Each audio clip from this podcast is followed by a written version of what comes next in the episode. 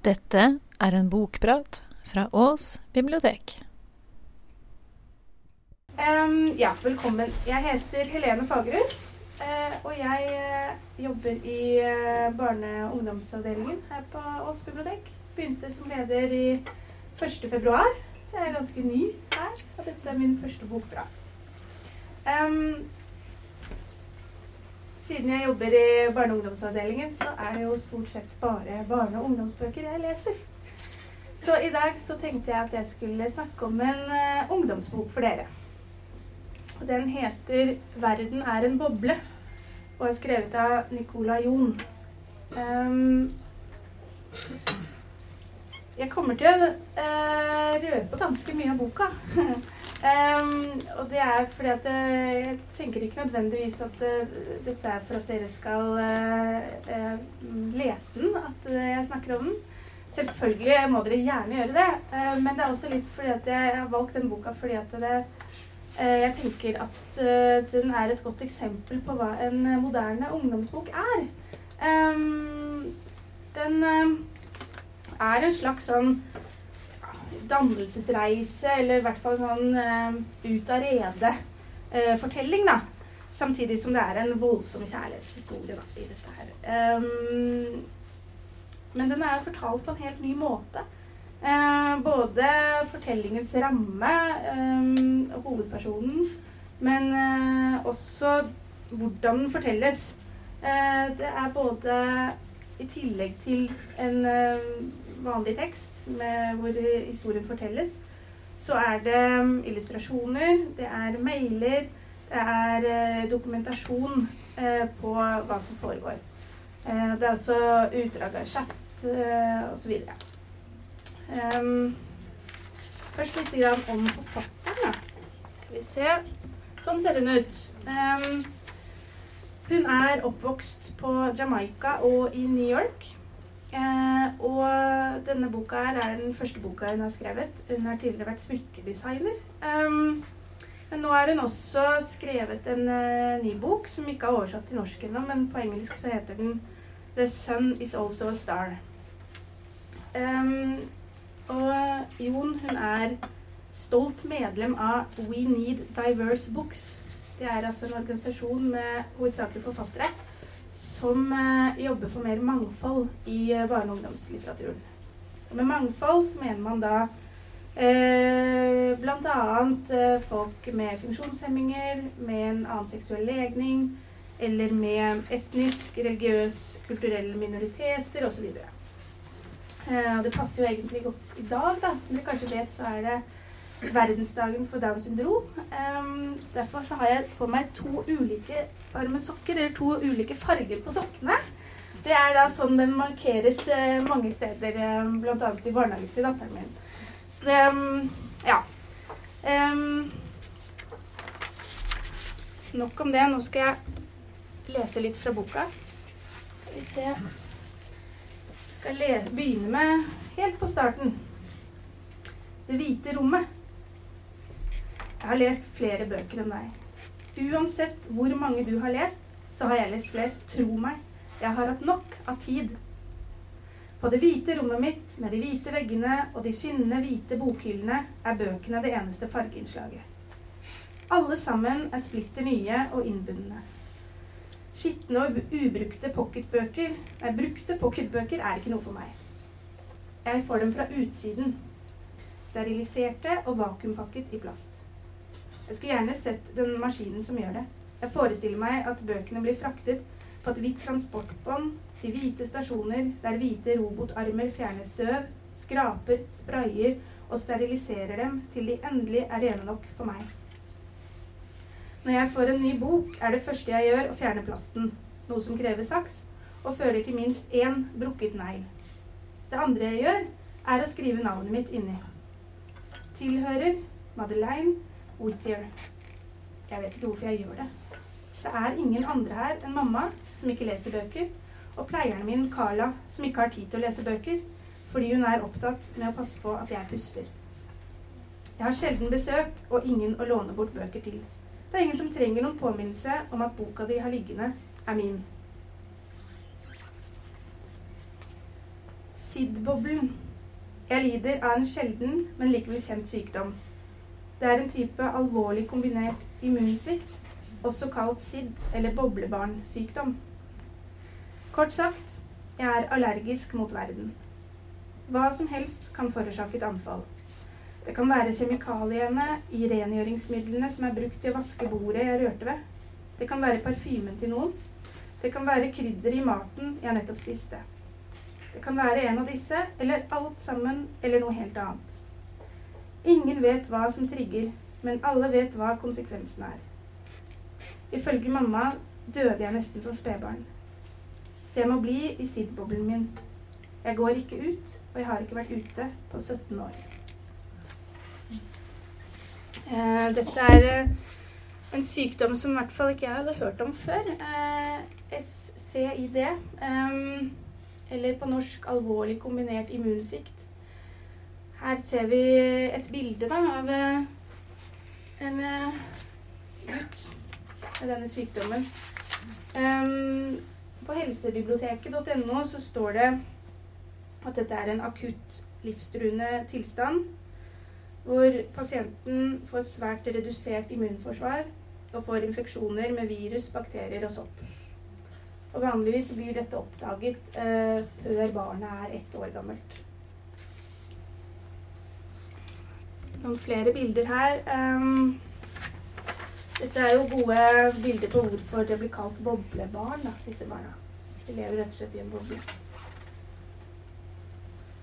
Um, heldigvis så ser ikke virkeligheten akkurat sånn ut uh, for uh, Madeleine, eller Maddie som hun blir kalt. Uh, dette er nok tatt på 70-tallet. Um, men Maddie bor ikke på sykehus, men hun bor hjemme um, sammen med moren sin. Det er jo ikke et normalt hjem, for det er et hjem som er Luften blir renset, og alt er nøye overvåket. Um, moren til Maddy er lege, og så bor hun også sammen med Carla, som er pleieren hennes. De bor ikke sammen, men Carla er der når moren er på jobb, da. Um, faren og broren de døde da Maddy var liten baby. Og Maddys hverdag er preget av rutiner. Her ser vi to utdrag fra boka. To boksider. Um, det ene måler altså pust per minutt, og det andre måler luftfilterstatusen time for time. Um, I tillegg til alle disse helsesjekkene så er det går hun på skole via internett. Um, og så spiller hun spill med moren eller har filmkvelder med moren. Og det er stort sett det livet hennes består av. Um, men hun har det egentlig helt ok. Uh, hun fikk diagnosen da hun var fire måneder gammel. Og hun uh, kjenner ikke til noe særlig annet. Um, så hun har ikke noe lengsel etter utsiden.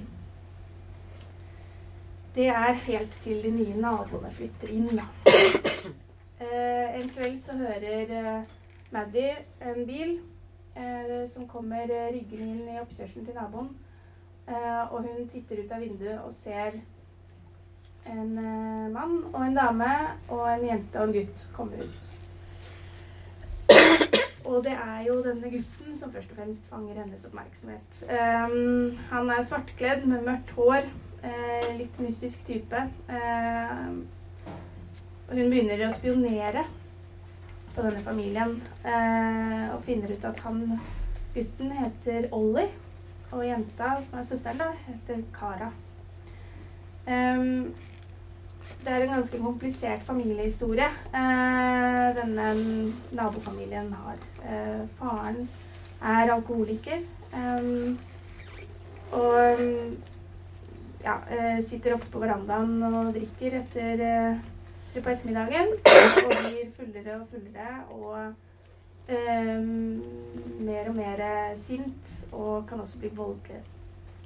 Eh, så det er jo fra, fra Maddys kontrollerte liv til noe helt annet som utspiller seg. Ganske åpenbart for naboene, da. Um,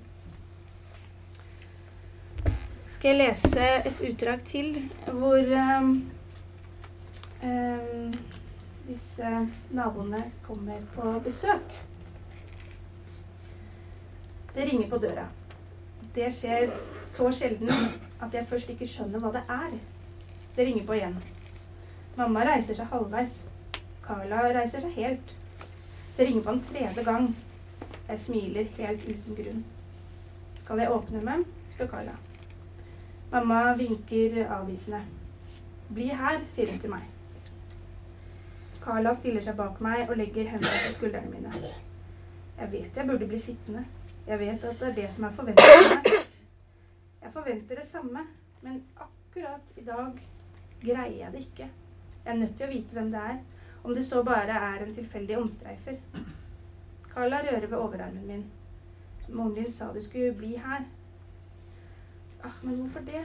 Hun er bare ekstra forsiktig. Dessuten slipper hun ikke noen gjennom luftslusen.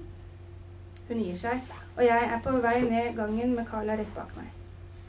Luftslusen er et lite forseglet rom innenfor inngangsdøra. Slusen er lufttett og skal hindre potensielt farlige ting i å lekke inn i huset når døra er åpen. Jeg klemmer øret mot den. Først hører jeg ingenting gjennom luftfiltrene, men så hører jeg en stemme. Eh, dette er en formkake fra min mor. Stemmen er dyp og munter. Hjertet mitt oppfatter ordet eh, Hjernen min oppfatter ordet formkake og forsøker å se den for seg. Så går det opp for meg hvem som står utenfor døra. Ollie. Min mors formkaker er dessverre ikke spesielt gode. Eh, forferdelige, faktisk uspiselige, nesten umulige å skjære opp. Sånn mellom oss. Og så en ny stemme. En jente. Søsteren. Hver gang vi flytter, må vi gi de nye naboene en formkake. Oi, sier mamma. Det må jeg si. Litt av en overraskelse. Så snilt. Eh, dere må si tusen takk til moren deres fra meg, da. Formkaken har selvfølgelig ikke passert noen inspeksjoner. Og jeg vet at mamma strever med å finne ut hvordan hun skal få fortalt dem at hun ikke kan ta imot uten å si noe om tilstanden min. Jeg er veldig lei for det, men eh, jeg kan ikke ta den imot. En sjokkert taushet følger. Sier du at vi må ta den med oss hjem igjen? spør Ollie. Som om han ikke kan tro det. Så uhøflig, sier Kara.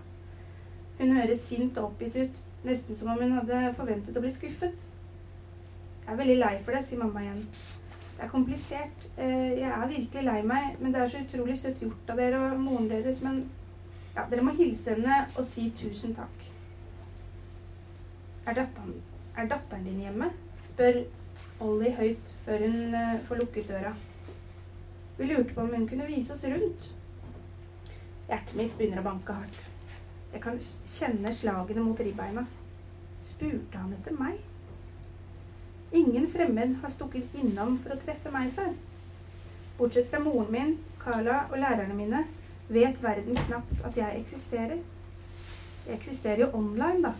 Jeg har venner online og bokanmeldelser men, men, det er ikke det samme som å være en ordentlig person som kan få besøk av fremmede gutter med formkake. Jeg beklager, men uh, det kan hun ikke. Velkommen til nabolaget, og, og takk igjen. Døra blir lukket, og jeg tar noen skritt bakover for å vente på mamma. Hun må bli i luftslusen til filtrene har renset luften utenfra. Like etter kommer hun inn igjen. Hun legger ikke merke til meg med en gang. Hun står bare stille med øynene lukket og bøyd hode. Jeg er lei for det, sier hun uten å se opp. Det går bra, mamma. Ikke tenk på det. For tusende gang innser jeg hvor vanskelig det er for henne at jeg er syk. Jeg kjenner jo ikke til noe annet. Men før meg hadde hun broren min og faren min. Hun reiste og spilte fotball. Hun hadde et normalt liv og måtte ikke sitte innesperret i en boble 14 timer i døgnet med den syke tenåringsdatteren sin. Jeg klemmer henne og lar henne klemme meg. Dette er verre for henne enn det det er for meg. Jeg skal gjøre det godt igjen, sier hun. Er ikke noe du trenger å gjøre godt igjen. Jeg er glad i deg, vennen min, sier hun. Vi kommer oss tilbake til spisestuen og spiser fort opp middagen, for det meste uten å si noe. Carla drar hjem, og mamma spør om jeg har lyst til å være med eh, og spille eh, Dictionary. Men jeg sier at vi kan gjøre det en annen gang. Jeg er ikke i humør. I stedet går jeg opp på rommet mitt og fantaserer om hvordan en formkake smaker. Ja, dette er jo ennå ikke et møte, men eh, et nær nesten-møte. Um, med mye humor eh, klarer Ollie til slutt å um, få fange uh, oppmerksomheten til Maddy uh, gjennom vinduet. Han har jo sett at hun spionerer på ham eh, og på familien. Eh, men hver gang han prøver å vinke, eller noe sånt, så eh, lukker hun igjen gardina. Eh, men denne formkaka eh, dukker opp i vinduskarmen hans ofte. Eh, og har forskjellige beskjeder til henne. Og til slutt så står det en mailadresse på vinduet hans, som da er mailadressen hans, sånn at de kan begynne å sende hverandre mailer. Og det gjør Maddy. Hun klarer ikke helt å la være til slutt. Hun prøver, men hun klarer det ikke. Ja, sånn starter også eh, vennskapet mellom eh, Maddy og Ollie. Um, og det utvikler seg fort til eh, noe mer. Um, Maddy får eh, blir jo forelska i um, Ollie. Og det er jo ikke så lett når det er noen du ikke kan møte, og som har et helt vanlig liv. Han skal begynne på skolen til høsten, akkurat nå er det sommerferie, men skal begynne på skolen, møte jenter i det virkelige liv. Eh, hvordan kan hun konkurrere med det? Um, Carla, sykepleieren, hun eh, har selv en datter, og hun eh, får veldig vondt av, av um, Maddie. Så hun eh, bestemmer seg for at hun vil tillate et møte. Uten at moren til Maddy får vite om det, så får Ollie lov til å komme på besøk. Men de må love hverandre at de ikke skal berøre hverandre i det hele tatt, og være på hver sin side av rommet. Um, her ser vi en mail. Den er skrevet uh, mens uh, Ollie er på vei inn til, uh, til Madeleine, Maddie. Ehm, der står det 'Når du leser dette, har vi møtt hverandre'. Og det var perfekt. Det blir eh, De oppfører seg veldig fint i dette første møtet. Jeg er på hvert ende av rommet, men eh, det blir flere møter, og det blir et kyss. Ehm, og Maddie går på en måte fra å være veldig uskyldig i denne boblen sin til å bli en vanlig tenåringsjente som blir mer opptatt av hva hun har på seg, hvordan hun ser ut, hvordan hun snakker, og hva hun skal gjøre for å imponere Ollie. Um, så en dag oppdager moren til Maddie hva som eh, har skjedd bak hennes rygg. Og det får selvfølgelig store konsekvenser. Um, Carla hun får sparken på dagen. Eh, og Maddie hun får ikke lov til å bruke internett. Eh, og hun får en ny pleier som er veldig mye strengere enn Carla. Og Maddie hun sliter jo med dårlig samvittighet overfor moren sin. Det hørte vi jo litt i det utdraget jeg leste i sted også. Eh, og det fortsetter bare nå. Hun føler jo at hun har gjort noe veldig fælt. da, Og har, noe- gått bak hennes rygg. Ehm, samtidig så klarer hun ikke å um, stenge Ollie ute fra tankene sine. Og hun begynner å holde seg våken om eh, nettene, sånn at hun da kan chatte med ham på natta når ingen eh, andre oppdager det. Um, og nå begynner vi også å ane at Maddie hun pønsker på noe. Um, og det Fortellingen er jo stort sett skrevet eh, med Maddie som fortellerstemmen. Er jeg, eh, hun er jeg-personen. Ehm, og vi er ikke inni hodet hennes når vi skjønner at hun pønsker på noe, men vi får små hint eh, via annen dokumentasjon i eh, boka. Eh, annet en mail eh, med en ordrebekreftelse på at hun har kjøpt flybilletter. Eh, og um, en annen mail med eh, innvilget kredittkort. Vi begynner å skjønne at noe Hun pønsker på noe.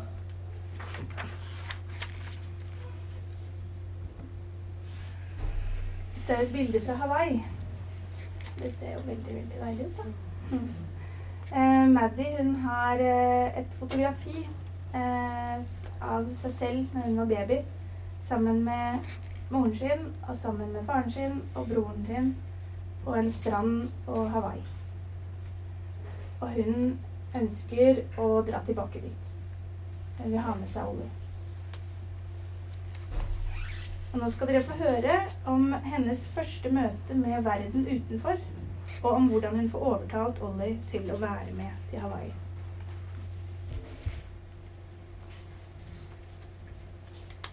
Vi ser her, da. Fem sanser. Hørsel. Alarmen prøver å avsløre flukten min med et høyt beep hver gang jeg trykker på en tast. Jeg må bare håpe at lyden er for uventet, og at mammas rom er for langt unna til at hun kan høre det. Døra åpner seg med et suk. Jeg er utenfor. Verden er brølende stille. Berøring. Dørhåndtaket er kaldt og glatt. Det er lett å slippe det, og jeg slipper det. Syn. Klokka er fire om natta, øh, og det er mørkt. Det er for mørkt til at jeg kan se noe særlig. Jeg skimter bare former, uklare silhuetter mot natthimmelen. Stort tre, lite tre, trappetrinn, hage. Steinheller ut mot en port, stakittgjerde på hver side. Lukt. Jeg står i hagen til Ollie. Luften er full av lukter. Blomster, jord, voksende frykt. Jeg lagrer alt i lungene. Jeg kaster småstein på vinduet hans for å få han til å komme ut. Smak. Ollie står lamslått foran meg. Jeg sier ingenting. Jeg legger munnen min mot hans. Først er han kald, usikker og stiv. Så er han ikke det. Han trekker meg hardt inntil seg. Den ene hånden hans tar tak i håret mitt. Den andre griper rundt livet mitt. Han smaker akkurat som jeg husker.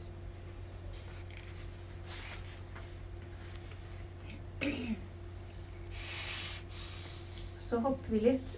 Um, de klatrer opp på taket der hvor uh, Ollie bor, for å snakke sammen. Um, Ollie kommer jo til sans og samling og lurer på hva i alle dager er det hun driver med. Jeg skal rømme, sa jeg jo.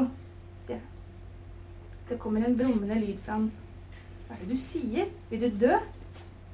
Heller det motsatte, sier jeg. Kan du hjelpe meg? Men hva da? Jeg har ikke noen bil, og jeg kan ikke kjøre. Jeg vet ingenting om verden. Det kommer en lyd til, en blanding av brumming og latter. Jeg skulle ønske jeg kunne se øynene hans i mørket.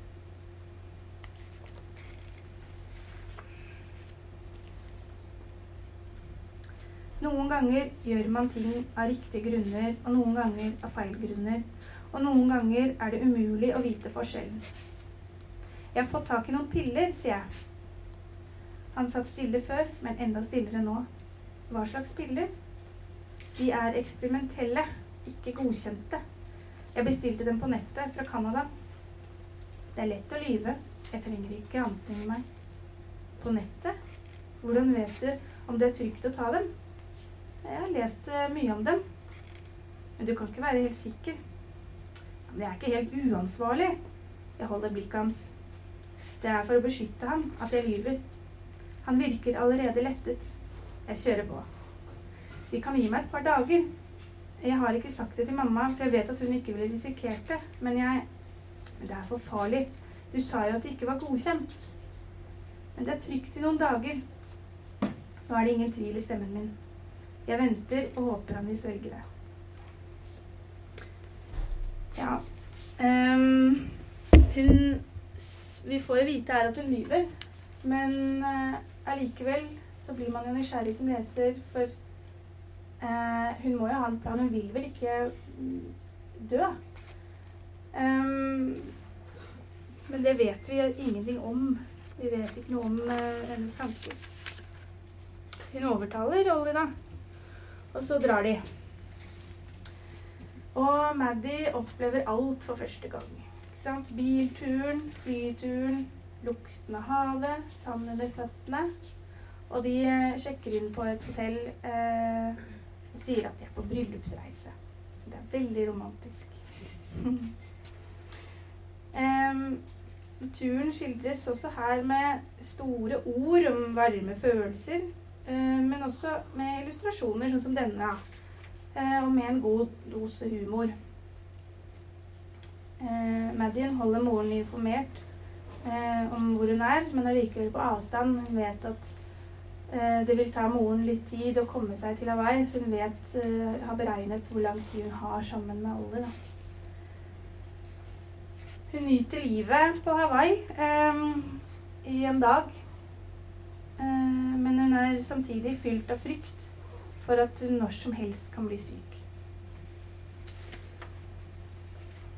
Og så en natt så Eller ja, en natt så våkner hun, er, er brennende varm og skjønner at nå har hun blitt syk. Eh, første reaksjonen hennes er at hun ikke vil eh, vekke Ollie. Hun vil ikke at han skal se henne sånn. Eh, men eh, hun skjønner fort at hun må ha hjelp. Hun føler virkelig at hun brenner opp, samtidig som eh, hun fryser. Og hun blir utrolig renn. Dette kapitlet heter 'Slutten'. og det er ganske dramatiske beskrivelser av den natta. Neste side ser sånn ut. Hjertet mitt stopper. Så blar man om, og så ser det heldigvis sånn ut. Og starter igjen. Um, ja, hun blir altså uh, reddet. Hun dør ikke. Hun får førstehjelp, uh, og eh, hun blir innlagt på et sykehus i Hawaii, hvor hun raskt blir hentet av moren. Og da er hun på en måte tilbake på null. Men man kan heller si at hun er tilbake før null. For nå vet hun jo om en annen virkelighet. Hun har vært ute, hun har opplevd denne virkeligheten.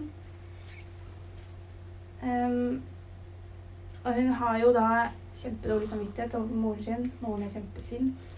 Um, og hun tenker at det eneste hun kan gjøre, er å bryte kontakten med Ollie. Hun kan ikke gå ut noe mer. Nå har hun satset alt på noen få timer med han. Og nå må hun tilbake til vanlige, det vanlige livet sitt. Um, samtidig med dette så er det mye dramatikk i Ollie sitt liv på hjemmebane. Um, moren bestemmer seg for å gå fra faren. Endelig. Uh, og moren og barna flytter. Um, og Maddie får ikke tatt farvel. Det er bare den alkoholiserte faren som er igjen, som blir tristere og tristere der på, på verandaen. Um, ja, så sitter man der som leser og lurer på Skal det ende sånn? Um, men så kommer den, den siste tvisten da, i boka. Den er full av overraskelser. Uh, hun får til slutt en mail fra legen på sykehuset på Hawaii. Uh, og han skriver at han har tatt noen prøver av henne mens hun lå der. Uh, det oppholdet er ikke beskrevet i boka, for Maddie husker ikke noe av det. Hun var såpass syk. Men han har altså tatt noen prøver, og ingen av de prøvene viser tegn til den sykdommen hun skal ha. Og vi begynner jo å skjønne at um, ja, hun får en mistanke, da. Hun konfronterer moren. Um, moren sier at ja, det er veldig få som kan noe særlig om denne sykdommen. Den er såpass sjelden. Jeg skjønner at uh, du har et håp inni deg om at dette skal være sant, men beklager, det er ikke det. Men uh, hun begynner å undersøke mer, og hun uh, finner til slutt ut at uh, det er ikke hun som er syk. Det er moren. Moren som har mistet et barn, og som har mistet sin mann, og som er redd for å miste den eneste hun har igjen. Så det er jo veldig sterkt, selvfølgelig. Um, det er ikke skrevet noe særlig om hennes videre forhold med, til moren sin. Uh, det er ingen store, voldsomme konfrontasjoner eller raseriutbrudd eller noen ting. Og jeg snakket med en kollega som syntes at det var et minus i boka. Uh, liksom, ja, etter så mange år. Må jo ha mye innebygd aggresjon, da. Men jeg tenker at det er sånn hun ser at hun har vært hele veien. Eh, Maddie. Hun har eh, aldri hatt denne voldsomme noe sinne i seg. Men hun eh, lukker seg litt inne og tar avstand da, fra moren. Ja, men for at eh, historien skal få en lykkelig slutt, så må jo Maddie få sin Ollie. Um, og hvordan det skjer, det vil jeg ikke røpe. Eh, men som dere kan se, så har hun en plan for det òg. Ja. Um, vi ser Denne boka den er eh, filmatisert, så den kommer på kino uh, sikkert i sommeren her i Norge. da, 19. mai her i USA. Um, og jeg har sett traileren for den filmen, uh, og jeg må jo innrømme at jeg er litt skeptisk. For den virker veldig Det virker som den har forenklet historien en god del. Og det er veldig glossy. Um, ja. Men samtidig så Dere ser jo de fargene jeg har brukt på presentasjonen min i dag. Det er jo mye rosa og lilla, og det er liksom eh, Stemningen i boka er jo også litt sånn rosenrød og kanskje litt klisjéfylt. Samtidig så er den, som dere sikkert har skjønt, full av overraskelser. Um, så det er vel kanskje sånn kjærligheten er.